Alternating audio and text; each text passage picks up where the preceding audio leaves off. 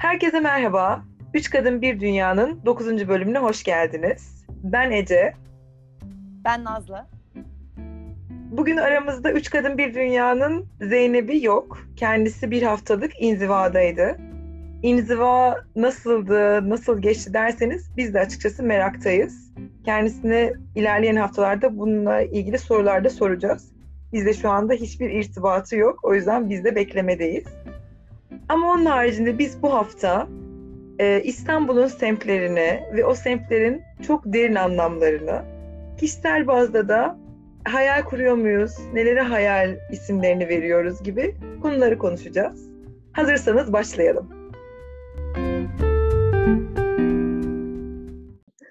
Öncelikle sana teşekkür ederek başlamak istiyorum.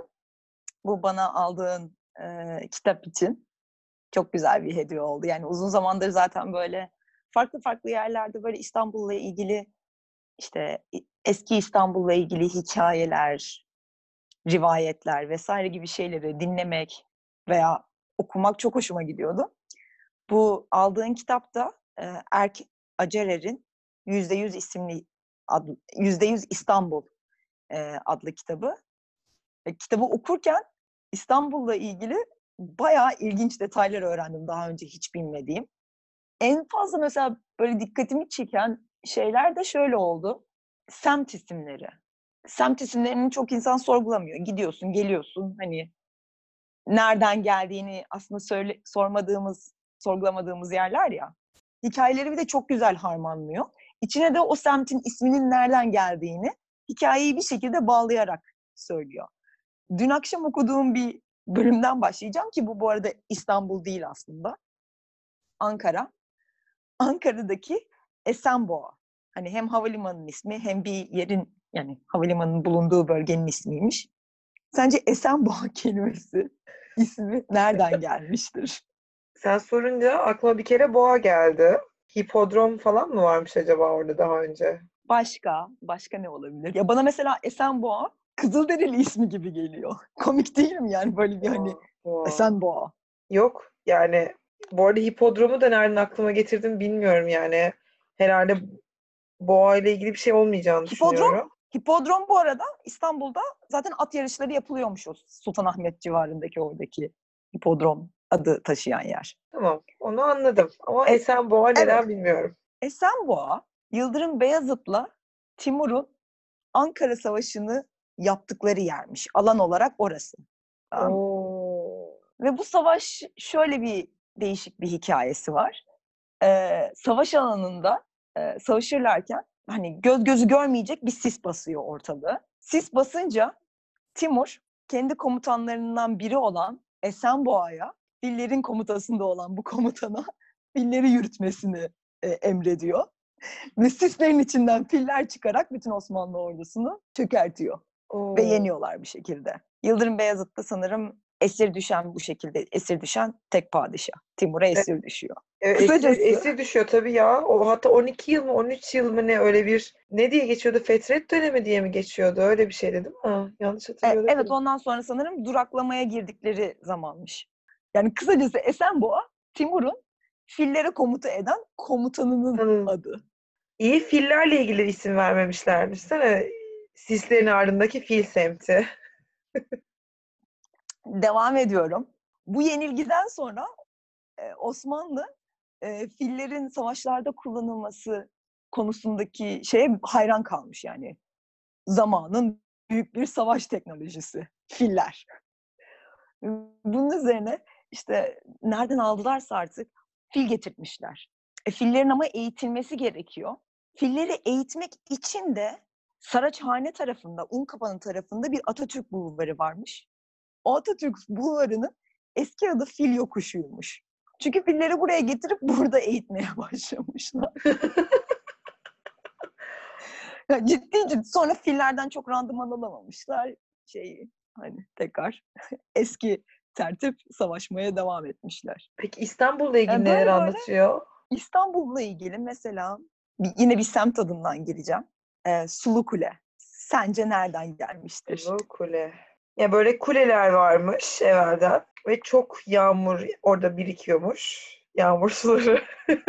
güzel, güzel, güzel. Ee? Ve hani hep o civarda mesela işte o kulenin etrafındaki yer bu kadar yağmur birikintisi olmuyormuş ama o kulenin etrafı hep böyle yağmur, çamur vesaire oluyormuş. İnsan hep böyle annelerde hep çocuklara şey diyormuş. Oralara doğru gitmeyin. Orası sulu kule. işte orası yağmurlu. Yeterince uydurup Fena değil, fena değil. İyi gittin. Şimdi okuyorum söylediğini. Sulukule İstanbul'un en eski mahallelerinden biri. Üstelik dünyanın en eski çingene yerleşim bölgesi. Burası İstanbul'da surların en alçak olduğu bölgede yer alıyor. Bayrampaşa Deresi sur duvarlarını ıslatınca ortaya dünyanın en ilginç semt isimlerinden biri çıkıyor. Sulukule. Bayrampaşa yani deresinin sur duvarlarını sürekli ıslak tutmasından dolayı oraya Sulukule ismi verilmiş. Bence iyi buldum Nazlı bu arada. Fena değil bu arada. İyi buldun, iyi buldun. Ama kolay. Hadi buna kolay. Yani Esenboğa'yla yani arasında ciddi bir zorluk farkı var. Başka bir tane söyleyeyim o zaman. Bu da kolay olacak ya. O zaman bunu da bulursun. Un kapanı. Un kapanı. Herhalde un yapıyorlarmış. Ve e, böyle un yapım atölyelerinde yok. Neyse yine yaklaştın. O. Un, undan yaklaştın.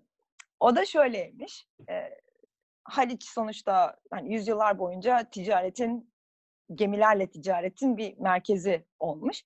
Gemilerden işte buğday, arpa ve un taşındığı zamanlar o bölgede bu taşınan malları tartmak için büyük teraziler kullanılıyormuş. Bu büyük terazilere de Arapçada kaban deniliyormuş. Aa. Un kabanıymış. Zaman zaman içerisinde un kapanına dönüşmüş. Ben bu arada Yani- şey de hayal ettim. Acaba birileri un çalıyor. Hani un kapan böyle anlamında. Acaba öyle şeyler de böyle e, hırsızlık hikayeleri de içeriyor mu diye düşündüm ama kaban. Hmm. Bir hırsızlık hikayesi de anlatıyor bu arada. Kapalı Çarşı'daki ilk hırsızlık hikayesi. Sanırım Kapalı Çarşı kurulumundan ilk 100-150 yıl içerisinde hiç hırsızlık olmamış. Bu bile bence çok garip bir olay. O kadar yani insanlar birbirine güveniyor, hani güvenliği sağlıyorlar. Sonra bir tane sanırım e, kuyumcunun yanında çalışan bir çırak bir hırsızlık olayına hı- hırsızlık yapıyor. Ama çok kısa sürede maalesef yakayı ele veriyor. Nedeni de çaldığı şeyleri dükkanın içerisinde bir hasır varmış. Hasırın altına koymuş. Hasır altı etmek deyimi oradan geliyormuş. Vay be çok güzel. Çok enteresan. Baya baya böyle hikayeler anlatıyor. Ee, bu hikayelerden birinde yine Cemil Topuzlu kimdir olayına rast geldim. Hikayeleri çok güzel. Kurgulamış mı diyeyim. Yani en başta okumaya başladığında Cemil Topuzlu demiyor. Cemil Paşa diyor. Yani Cemil Paşa ne? Sarı çizmeli Mehmet Ağa gibi bir şey. Okuyorsun, okuyorsun, okuyorsun. Sonra bir noktada şey söylüyor. Ee, Cemil Paşa büyük büyük büyük büyük büyük dedesi ta İstanbul'un fethi döneminde Topuzlu Birliği'nin başında komuta ettiği için Cumhuriyet'ten sonra Topuzlu soyadını almış ve Cemil Topuzlu olmuştur diyor. Bir anda böyle gözlerim büyüdü. Aa bir saniye. Bu Cemil Topuzlu aynı zamanda işte Harbiye Açık Hava'ya ismini veren, ne bileyim caddelere ismini verenmiş yani. Hikayenin sonunda ancak böyle açık ediyor. Kafanda bir ışık yanıyor. Ya demek ki bu oymuş diye. Neyse ee, o şekilde Cemil Topuz'un hikayesini anlatıyor. Zamanının ünlü, en ünlü cerrahı ee, ve bir şekilde de belediye başkanı e, oluyor. Ee, belediye başkanı olmasının hikayesi de aslında ilginç. Yazıda yazdım onu da. Kendisine bir köşk yaptırıyor çifte havuzlarda. Köşkü de böyle e, adını hatırlamıyorum şimdi ama yabancı bir e, mimar getirip yaptırıyor. Görkemli bir köşk ve o dönemin dönemin sadrazamı köşkü görünce şey diyor. Köşkü ve bahçesindeki işte bahçede heykeller vesaire varmış. Çok Avrupa'yı görünen e, bir alan. Böyle bir zevke sahip olan adam ancak İstanbul'u imar edebilir deyip Cemil Topuzlu'ya gel sen belediye başkanı ol diye teklif ediyor. Belediye başkanı olduktan sonraki de ilk icraatı Gülhane Parkı o zamanlar şeymiş, e, saray bahçesiymiş. Halka kapalı sarayın bahçesi. İstanbul'da da daha halka açık bir park yok. Gülhane Parkı'nı e, Sultan'dan izin alarak halka açıyor. Halka açıyor ancak yani halka açıyor derken gerçekten herkese açıyor ve kadınların da e, parkı kullanmasına, parkta yürüyüş, yani parka girmesine e, izin çıkarttırıyor. Ama daha tutucu kesimler bunu çok hoşlarına gitmiyor. Kadınların parkta böyle e, gezinmesi e, ni doğru bulmuyorlar. Bunun üzerine parkı genel eve benzetiyorlar. Cemil Paşa'nın adını da genel ev işletmecisine çıkarıyorlar. Ama buna rağmen adam hani şey yapmıyor ve bu şekilde Gülhane Parkı İstanbul'un ilk parkı olarak halka açık bir şekilde kalmaya devam ediyor.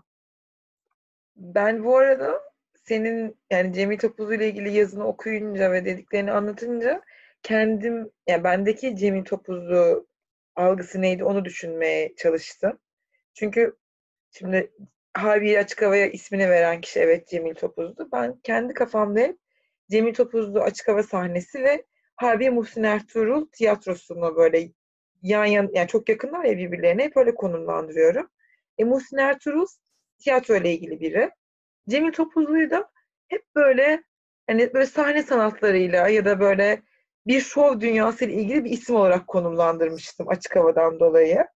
Mesela asla ne derler çift havuzlardaki o büyük caddenin isminin Cemil Topuzlu Caddesi olduğunu da birleştirmemişim. Hep böyle sahne sanatlarıyla ilgili biri olduğunu düşünmüşüm. Halbuki adam belediye başkanıymış mesela. Bilmiyordum ben de.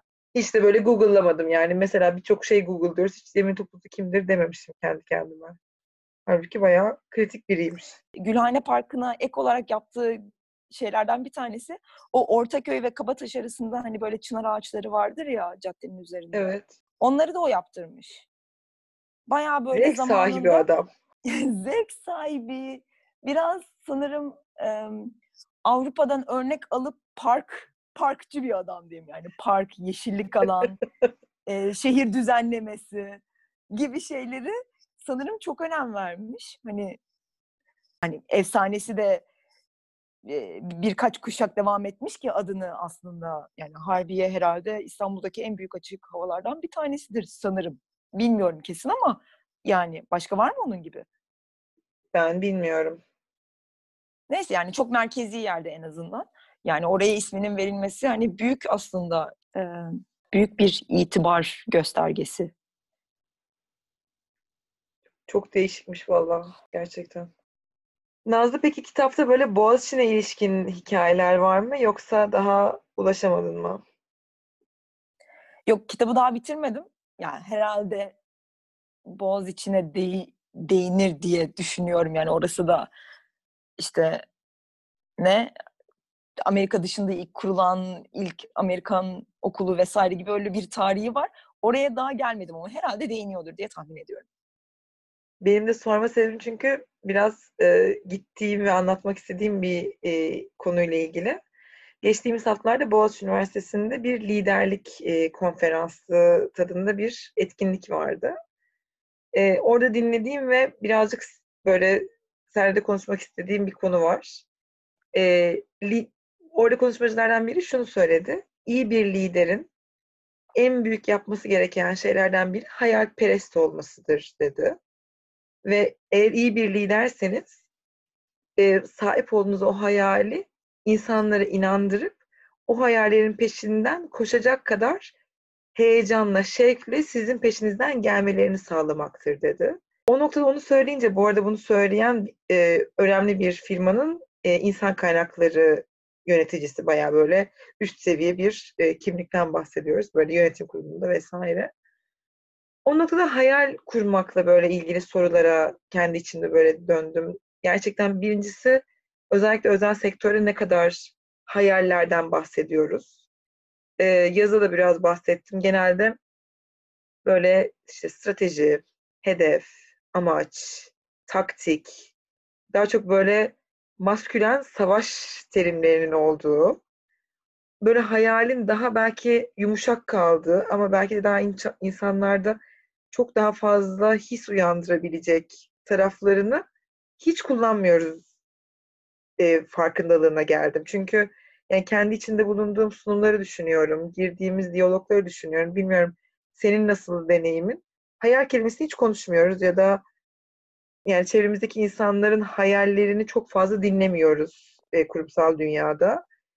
Bir onu düşündüm ve mesela şeyi hatırladım düşünürken de onu yazıda bahsetmedim ama böyle iki sene önce falan yurt dışından biri gelmişti. Bu bizim e, koruma gözlükleriyle ilgili bir ürün portföy müdürü.